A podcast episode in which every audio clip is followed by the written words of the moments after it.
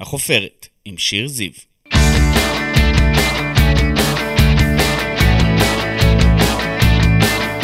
ברוכים הבאים לחופרת, אני שיר זיו, עיתונאית ישראל היום, אשת תקשורת וסופרת, וכאן בפודקאסט שלי אנחנו חופרים מדי שבוע באולפן ישראל היום עם אדם, בעל שם, מישהי או מישהו שכולכם מכירים מתעשיית הבידור, מעולם הספורט, מהתיאטרון או מהרשתות החברתיות. אז קדימה, בואו נצא לדרך. רותי רוסו נולדה בבוסטון ללואיס ונירה רוסו. היא בת 44, שפית, מרצה, עיתונאית, יועצת קולינרית ומגישת טלוויזיה, וגם שופטת במסעדה הבאה ברשת 13. אמה היא עיתונאית האוכל הישראלית ומחברת ספרי הבישול נירה רוסו, וכיום רותי נשואה ואם לשתי בנות, טלמה ודפני, והיא כאן איתנו לא כדי לבשל, לא כדי להרצות, אלא כדי לחפור. תודה רבה שהגעת לחופרת, רותי. תודה שהזמנת אותי. בואי נחזור רגע, שנייה, אחורה בזמן. איזו ילדה את היית? גדלת ברמות השבים? כן, אה, גדלתי, האמת שגדלתי בהרבה מקומות עד גיל 6. נולדתי בבוסטון, עברנו לשיקגו, עברנו לבבלי, לרמת גן, אה, כאילו גרנו במלא מקומות עד גיל 6. מגיל 6 אני ברמות השבים. אה, והייתי ילדה מאוד מאוד מוזרה. מה זה אומר מוזרה? עוף מוזר. אני חושבת, כאילו, חוויתי את העולם בעוצמות מאוד גבוהות, מאוד רגישה. אני חושבת, אני חושבת שקלטתי הרבה דברים... הרבה ניואנסים של העולם, שהייתי קצת קטנה מדי מלהכיל אותם, ו, ופשוט לא הבנתי את החוקים. אני באמת, אני, אני כאילו קשה לי לה, להסביר את התחושה הזאת, שבערך עד גיל 18 הסתכלתי בהלם על העולם. זאת הייתה התחושה, הייתי בשוק. זה חוש הצדק שלך גם היה שם? אני חושבת לך חוש, אולי? גם חוש הצדק וגם חוש צדק כאילו מפותח מדי בהשוואה לגיל, ו, ואמפתיה מוגזמת שמשבשת אותי, מין... כל בן אדם שנעלב, גם אם הוא לא אני, הייתי לוקחת את זה אליי ולוקחת את זה קשה בצורה קיצונית. קראתי למעשה שהיית נרדמת במסעדות, זה נכון? מה, איך, איך אפשר להירדם במסעדה? אני לא מבינה את זה. קודם כל, אימא שלי התחילה את הקריירה שלה כשהייתי מאוד צעירה, אה, אני חושבת בגיל 4-5, כשהיא התחילה... הכל התחיל כשהיא התחילה לכתוב בהארץ, וזה פשוט התפוצץ בשנייה. אני מרגישה שזה קצת מקביל למה שאני עוברת עכשיו, אבל זה, זה כאילו הייתה, כל הזמן שאלו אותה, מרגע שהתחילה לכתוב בהארץ, השאלה הייתה, איפה היית? איפה היית? עד כאילו, עכשיו. כן. וזה קרה פשוט בן לילה, אה, אה, היא הפכה להיות נירה רוסו בן לילה. מלפני זה היא הייתה מתרגמת טכנית וזה, והיא הפכה להיות פתאום של... הקבלה כל כך ברורה. ולמה את היית נרדמת במסעדות? אוכל לא עניין אותך? וזהו, ואז נכנסנו, התחלנו ללכת... אה, האמת שהיינו הולכים למסעדות גם לפני זה, בטח לא הייתי זוכרת. היינו הולכים, נוסעים הרבה, טסים הרבה, כי המשפחה גרה בניו יורק, אז, אז אפילו אם בדרך היינו עושים קונקשן בפריז או זה, היינו הולכים הרבה למסעדות, ולא, אוכל לא עניין אותי בשום צורה שהיא בכלל, בכלל. ו... ומסעדות זה היה אירוע מאוחר עם הרבה אוכל, ומתישהו מיציתי את הסיפור, הייתי שמה ראש על אבא שלי קבוע, ונרדמת, קבוע. איזה קטע מוזר. זאת אומרת שהיום המטבח הוא חלק כל כך מרכזי בחיים שלך, ואז בכלל היית רחוקה מזה 180 מעלות. מה את אוהבת לאכול? או. אוקיי, אוהבת לאכול. אה, אני אוהבת מאוד לאכול ירקות ופירות, מאוד. אה, בירקות, יש לי, אני, זה נורא מעצבן שאני אומרת את זה, אני יודעת שזה מעצבן, אבל אני באמת מאוד אוהבת ירוקים. כשירוקים עלים, אני כאילו, אפשר לקנות אותי בכזה סלט שלוקחים שלושה צרורות של פטרוזיליה, קוצצים, אבל אחרי שפינקו רק את העלים, לא כאילו גבעולים, שלושה צרורות של פטרוזיליה, מלא שמן זית, מלא לימון ומלח. עיני הבורקות. אני, באמת, אפשר, אין גבול לכמות שאני יכולה לאכול מהדבר הזה, כאילו, אפשר להכין לי את מאוד ייחודית בקטע, זה, זה ברור לך, לא, נכון? כי אני אומרת, כן, אני גם אוהבת, תביא לי סטייק, אני סבבה, מעולה, תביא לי אה, דגים, ובטח דגים נעים, אני מאוד מאוד מתחברת לדברים כאילו אה, אה, סביצ'ה וסשימי, ואני ממש אוהבת את הדברים האלה. Uh, ופירות זה גם, שוב, נקודת תורפה שלי, יודעים, ביום הולדת תמיד כל מי שמכיר אותי שולח לי מגזי פירות. מגזי פירות.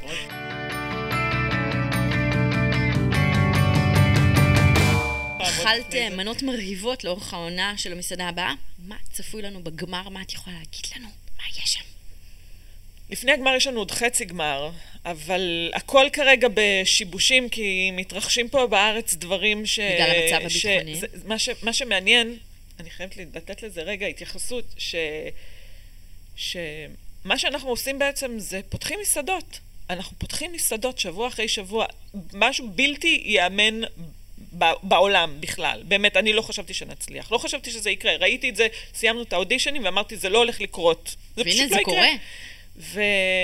ואני חושבת שגם חשפנו, לכל מי שראה את התוכנית, חשפנו שמסעדנות זה ממש רחוק מלדעת לבשל. כאילו, זה סבבה לדעת להכין ארבע מנות. יש עוד כל כך הרבה מרכיבים מעבר. יש עוד כל כך הרבה מרכיבים, וזה כל כך קשה פיזית ומנטלית ואישיותית בינך, בין, בינך לעצמך. זה התמודדות מאוד קשה.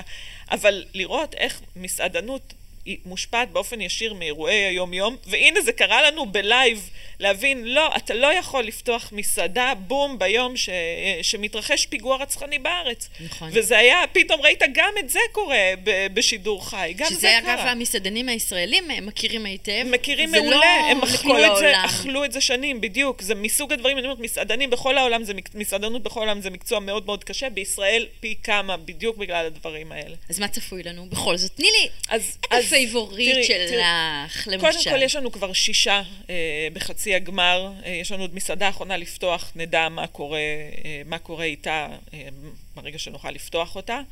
אה, ומתוך השישה או השבעה שיעלו בסופו של דבר לחצי הגמר, יצטרכו לי, אנחנו נצטרך לבחור שניים.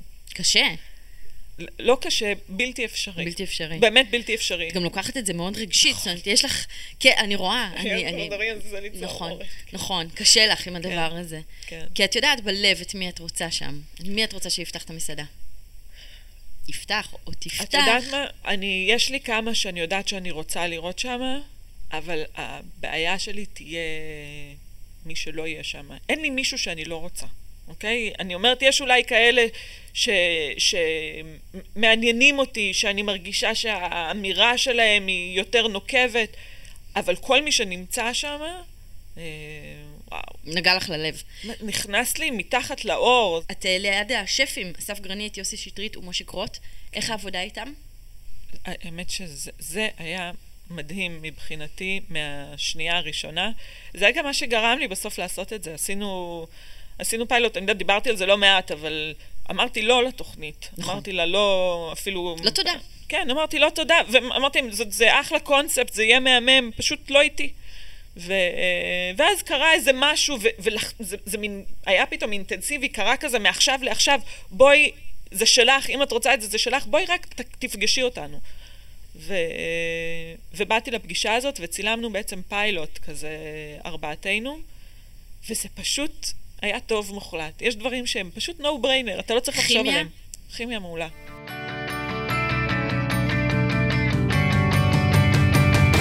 בואי נלך טיפה אחורה. לא רצית בכלל להיות חלק מתעשיית הבידור, נכון? במשך, הרי קיבלת הצעות במשך שנים. למה? פחדת? היה שם משהו שהרתיע אותך? כאילו פלירטטתי עם התעשייה הזאת uh, במשך uh, כמה שנים לפני, אני מדברת על כזה לפני עשור, משהו כזה. ו... Uh, ובמידה מסוימת זה לא עבד. אה, זה לא עבד, ו... ואני גם יודעת למה זה לא עבד. אני מניחה שבמיד... כאילו, שקצת אני לא הייתי בשלה לזה. וגם מהצד השני, אני חושבת שהתעשייה לא הייתה בשלה לי. אה, הם, הם רצו את השטנץ? הם רצו את מה ש... שהם רצו. ו- ואני מההתחלה אמרתי להם, אתם לא תקבלו ממני את מה שאתם רוצים. אתם רוצים 1, 2, 3, 4, 5, אני אתן לכם 8, 22, 75, 107. take it or leave it. take it or leave it, ולפעמים השילוב שלי הוא פשוט יותר טוב. לפעמים, לא תמיד. אבל לפעמים, אבל אתם תצטרכו לשחרר את ה-1, 2, 3, 4, 5 שלכם. והנה זה קרה, הם שחררו. נכון. אז בואי נדבר על זה, על מה שהרבה שואלים אותך, אני לא אהיה הראשונה, אבל בכל זאת, נמצא את הזווית. את בחרת לא לצבוע את השיער, להשאיר אותו לבן, לא מתוך הצהרה עקרונית שלבן זה משהו שלא צריך להתבייש בו, כן. אבל עדיין זה נתפס בסופו של דבר כמהלך פורץ דרך פמיניסטי שקובע סטייל חדש. את מבינה שאת מביאה משהו אחר לפריים טיים. כן, כן, גם אני, אני גם מבינה שהדבר הקטן הזה, ש... שאני פשוט לא נתתי עליו את הדעת, אני, אני אומרת, כאילו זה מצחיק לת, להתייחס ל, לעצלנות בתור פמיניזם, אוקיי? אבל זה בדיוק זה. אבל זה באמת בדיוק זה. אני מעדיפה לבלות את הזמן שלי במשהו אחר. עכשיו, עצם זה שאני לוקחת את הזכות שלי לבחור איך אני מעבירה את הארבע שעות האלה במספרה, אם אני שמה אותם במספרה או שמה אותם... אגב, עם, עם הילדות שלי, או... בהסעות. או בהסעות, לא משהו פחות אה, נשי ב, ב, בהגדרתו, אבל אני בוחרת. אני מחליטה מה לעשות עם הארבע שעות שלי, אז אני מניחה שלקחת את הכוח הזה לידיים שלי, בלי לחשוב על זה יותר מדי, ובלי הצהרות, ובלי להסביר זאת האג'נדה ולא זה, זה, זה רק בגלל התגובות אני כאילו מנסחת את הדברים האלה. התגובות הפתיעו אותך? י, ידעתי, ידעתי שהתייחסו לזה, זה היה לי ברור. אפילו כשצילמנו את האודישנים, אני יודעת, החלק הפנימי של השיער שלי יותר אפור מהחלק העליון. אז הייתי אומרת למעצב שיער, הוא כאילו בהתחלה היה מין מושך לי את ה... אמרתי, לא, אני רוצה שתוציא לי את האפור החוצה, כאילו, אני גאה בו. ניסה להחביא. כן, אני אומרת, לא, אני רוצה אותו בחוץ. ו, וידעתי שהתייחסו לזה, אבל את ההבנה האמיתית, כאילו, מה זה הולך לעשות, זה היה עם, עם עמי גלם, סמנכ"ל רשת, שנפגשנו ב, בין האודישנים לה, להתחלת המסעדות, והוא אמר לי, תקשיבי, עשינו קבוצות מיקוד, הראינו, הראינו כזה כמה, קצת ממה שצילמנו, ולא היה מישהו שלא התייחס לשיער שלך, לא משנה אם זה נער בן 16, אישה, מי זה, כאילו לא היה מישהו של, של, שלא התייחס ואומר, אני אפילו לא שמתי לב שהוא אפור עד עכשיו. וואו. אז הנה, טוב שיש קבוצות מיקוד. כן. בנושא אחר, אבל גם קשור למראה חיצוני, את אמרת בעבר שאנשים תוהים על הרזון שלך ושאותך זה לא מעסיק. נכון. האומנם?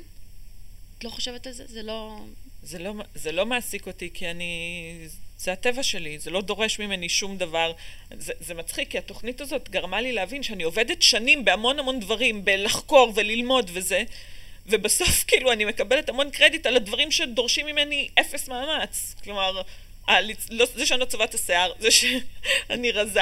אני קם בבוקר, אני ככה, זה שאני... לא עשיתי כלום, חבר'ה. לא עשיתי כלום, בדיוק. אני נולדתי ככה פשוט. לא, יש לי איזה גנטיקה, אמרתי את זה כבר 700 פעמים, כאילו, מי שבתחום הזה רוצה לחקור למה אני רזה, כי אני אוכלת בטוח יותר, יותר קלוריות ויותר שומן מ, מרוב, מרוב הנשים, אולי כל הנשים בסביבה שלי, בטוח. אבל גם המון פירות וירקות.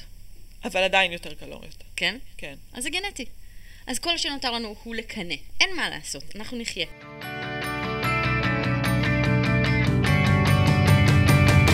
את לא פוחדת להביא את האמת שלך לטלוויזיה, ואת מעלה שם נושאים מאוד רגישים, עוברת לך מחשבה מה יחשבו עליי, איך זה יתקבל? לצערי לא. למה לצערך? יש לי נטייה כזאת, כאילו, היא מסבכת אותי גם לפעמים. אני, כשאני רואה מקום רגיש, אני רואה בוץ, אני בפנים. תני לי דוגמה. אין לי בשלוף. אבל אני ככה, זה אישיות, זה אתה, גם הבת הגדולה שלי ככה, אתה רואה, אה, אתה רואה אנשים, מישהו ברחוב במצוקה, אני נדחפת לו, אני שואלת אותו, אישה עומדת בצד בוכה, אני לא מכירה אותה, אני נכנסת לתוך החיים שלה, לוקחת את הטלפון, היא באה לגור אצלי לשבועיים, זה כאילו... את לא יכולה לעמוד מנגד. השבוע רץ סרטון שבו דיברת בכנות רבה על חוויית הבדידות של אמהות טריות, הוא הפך כן. לוויראלי, כי הייתה בו אמת עמוקה וקשה שהעזת לחשוף. אני תכף בוכה, אני בכיתי כשצפיתי בו פעם גם אני בכיתי. כן, אי אפשר שלא. כן. וזה קטע שאני לא בוכה בו באופן מפתיע, כי אני בוכה בתוכנית כל כך הרבה, כן. ובכל זאת שם היה רגע, אני חושבת שהגברים היו באמת אה, בהלם, לא פעם ראשונה, אבל הבאת אותם למקום שהם באמת לא חשבו עליו אף פעם. מה קרה שם מבחינתך? הייתה שם מתמודדת מאוד מאוד אינטליגנטית, מאוד חריפה, שעל פניו רצתה לפתוח מסעדה, אני חשבתי שזה רעיון לא כל כך טוב בשבילה. אה, וחלק מההסבר שהיא נתנה למה היא רוצה לפתוח מסעדה זה, היא דיברה על זה, על, ה, על התחושה הזאת, כל כך הבנתי את זה, על התחושה הזאת עם ילד קטן בבית, אה, נדמה לך, ש, נדמה לך שיצאת מהמרוץ. נדמה לך שכאילו פה זה נגמר, ו, והחיים שלך עכשיו הם, אה, אם הוא עשה גרפס או לא עשה גרפס. ככה ו... היית? כן, אני, לי היה מאוד קשה. פעמיים. מאוד מאוד קשה. הפעם הראשונה הייתה יותר קשה מהשנייה, כי השנייה כבר... זה לא שאת חושבת שהחיים חזרו, גם היה ביניהם פער של אה, שנתיים וחצי כזה בין אחת לשנייה. אה, לא הרגשתי שהחיים חזרו, אבל גם לא היה לי זמן ל- לשקוע, הכל היה... עבדתי וזה, אז, אז, אז את, אה, אין לך זמן למחשבות קיומיות כאלה. את, את כל כך שורדת, ו, והלוגיסטיקה היא כל כך קשה. אני תמיד אומרת ש... שילד זה 30 אחוז הורות ו-70 אחוז לוגיסטיקה, וכשהילד השני נולד, אז ההורות מתחלקת בשניים והלוגיסטיקה מכפילה את עצמה בשניים. נהיה לך 140 אחוז לוגיסטיקה וכל ילד מקבל 15 אחוז הורות. והכל על הראש שלך, בסופו של דבר. והכל, והכל על הראש שלי. למה? אנחנו אה, ב-2022. למה זה עדיין ככה? אנחנו כאילו נכנסות לדברים בתוך הבית שלנו, לנו זה היה מאוד קשה כזוג כאילו לעבור את התקופה הזאת. אה, אני חושבת שהיום אנחנו במקום אחר לגמרי, אבל זה היה לחלוטין סוג של משבר. אה, כי גם לא, לא, לא האמנתי שזה קורה לי. אני כן בן אדם שיודע לתבוע את, אה, את המקום שלו יפה מאוד, ו, ולקח לי זמן, גם בבית, לתבוע את המקום שלי. ו, ו, ויכול להיות שאני גם עיוורת קצת ל, לאיך uh, הבן זוג שלי עבר את זה, שגם, כאילו, גם ממנו נלקח הרבה, וגם לא היה קשה, אבל... Uh, אבל זה לא אותו דבר. לא, לא, זה ממש לא אותו דבר. היה לי מאוד קשה. אגב, זה גם חלק מההחלטות לא לעשות יותר ילדים. כאילו, יש שניים, אמרתי, אני לא עוברת את 0 עד 3 עוד פעם. לא עוברת. ואגב, אני חוגגת את האימהות שלי. הילדות שלי, הדבר, באמת, הן הכי נוחות, הן גם היו ילדות מאוד נוחות. הן הכי נוחות, הכי כיפיות, הן יודעות, זה האנשים שהכי כיף לי בעולם להיות איתם. אין לי, מי, בערך מגיל שלוש, גמרנו, אין לי יותר קיטורים. אני... שכמובן זה משתפר, יש צדיקים משמעותיים מהרגע שהם אה, נהיים יותר ויותר עצמאיים, ובעיקר מהרגע שאת מתחילה לחזור לעצמך, זה, זה באמת לא הילדים. זאת את. זה, זה, זה לא הילדים, זה את, זה הנרטיב של כאילו שלך הבדידות. עם עצמך. אבל יש שם חוויה של בדידות, שזר אולי לא יבין זאת, ואני אומרת זר זה כולל בן זוג וכולל משפחה ממש. וחברות קרובות. את בודדה במערכה הזו. זה מה שהרגשת? את, זה, את, כן, זה, זה לחלוטין, זה לחלוטין בדידות, וזה לקחת, אה, לכמה חודשים, באמת לקחת חיים מאוד, אה, מאוד עשירים ודינמיים ותוססים ו, ומלאי פידבק, ו, ולכבות עליהם את השלטר. כן, ו, ולהשאיר, ו- וגם לצפות ממך נורא להיות אסירת תודה על הדבר הזה. כי אני אימא. ושמחה, ו, ומלאה מחוויית האימהות וההנקה. שהגוף וכאילו- כואב לך והנפש גם. את מתייחסת לזה כאל דיכאון אחרי לידה? למה שחווית? אני חושבת, כן, עם הבת הגדולה שלי היה בטוח, אה, בטח בשלב ההורמונלי, בוודאות היו שם סימנים של אה, דיכאון אחרי לידה. לא חושבת שבהארדקור, לא חושבת שגרסה, אני בן אדם מאוד מאוד לא, לא, אני בן אדם מאוד לא דיכאוני במהותי. חרדתית, אבל מאוד לא דיכאונית. אבל, אה, אבל אני אומרת, בעומק של המחשבות הקיומיות שלי אז, היו לחלוטין אה, אלמנטים של דיכאון, לגמרי. אפשר להבין את זה.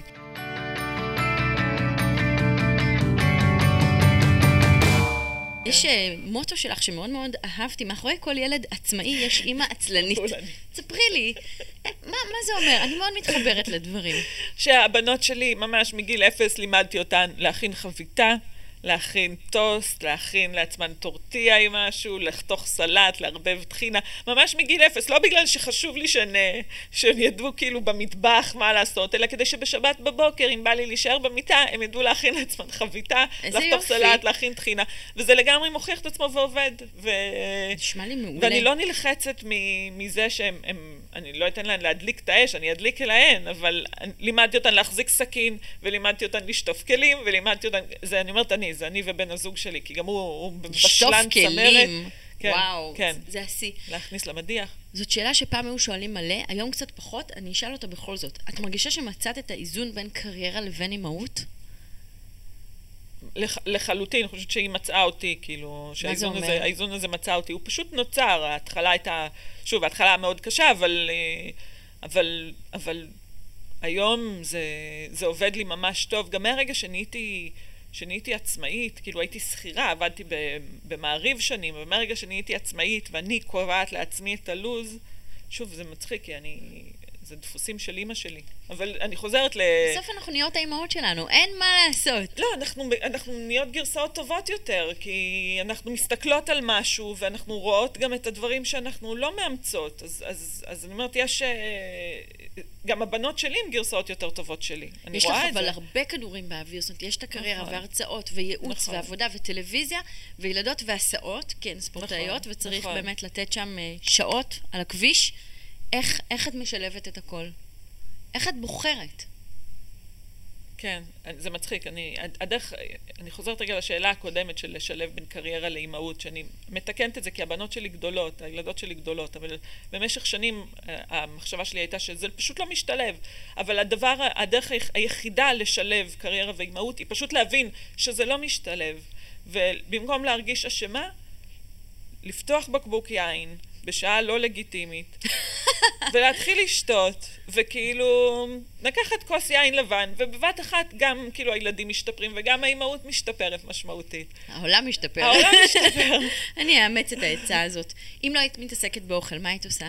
הייתי מתעסקת עם בעלי חיים, טבע, בוודאות. זה מבחינתי the road not taken. זה כאילו אני מפלרטטת עם העולם הזה מלידה. תמיד שואל את עצמי, ומה אם הייתי לוקחת את המסלול הזה? תשמעי, אולי עוד אפשרי, הכל, נכון. הכל עוד פתוח. ו- ובתוכן בטוח, אני בן אדם של תוכן מ... כאילו, ידעתי שאני הולכת uh, לייצר תוכן ולכתוב, וזה ידעתי מגיל אפס. את אוהבת לכתוב? אני אוהבת לכתוב, אני אוהבת לספר סיפור. זה יכול להיות גם בעל פה, וזה יכול להיות, ב... יש הרבה, גם, גם כל מה שאני עושה בעצם, טלוויזיה, הרצאות וכתיבה, הכל זה בסוף uh, לייצר סיפורים. תוכן ולספר סיפור. שאלה אחרונה, מה החלום הבא שלך? מה עוד לא הגשמת? בא לי כאילו לי, לי, לייצר איזשהו... אני לא יודעת אם חוג או מסלול, מסלול על, אה, על let's talk about food, אבל לא, ב, לא בצד דווקא הגסטרונומי שלו, אלא בצד החברתי, הפוליטי, הכלכלי, היחסים בינלאומיים, המוסרי. אלה הנושאים שתמיד העסיקו אותי. קדימה, לאקדמיה. אם תצטרכו תואמים, אני פה. תודה רבה שבאת אלינו היום. תודה. היה מאוד מאוד מעניין. ותודה על השאלות, באמת, שאלות מאתגרות ומפתיעות ומעמיקות. נהניתי מזה. תודה. שמחנו. תודה רבה. תודה רבה. אדם לא יכול לחשוב טוב, לאהוב טוב ולישון טוב, אלא אם כן סעד טוב, כתבה וירג'יניה וולף. כשאני מביטה ברותי רוסו, אני רואה מולי אישה מרוצה, שאוכלת טוב וישנה טוב, שמרוכזת בדברים שחשובים לה, ומהווה מודל למי שרוצה ורוצה להפיץ טוב בעולם. היא עושה את זה בדרך לא רעשנית, לא מתסיסה, אבל מאוד ממוקדת, ברורה ויציבה. כולנו צריכים לאכול טוב. תחשבו איך תוכלו לסעוד טוב כבר מהיום. מה באמת עם יד על הלב יעשה לכם טוב, נעים וטעים. תודה רבה לרותי רוסו שהגעת אלינו, תודה רבה לשחר בנימיני על ההפקה, לגלעד דיסטלמן על הסאונד והעריכה, ולליאור פלג מנהל הפרויקט. בשבוע הבא, חפירה חדשה.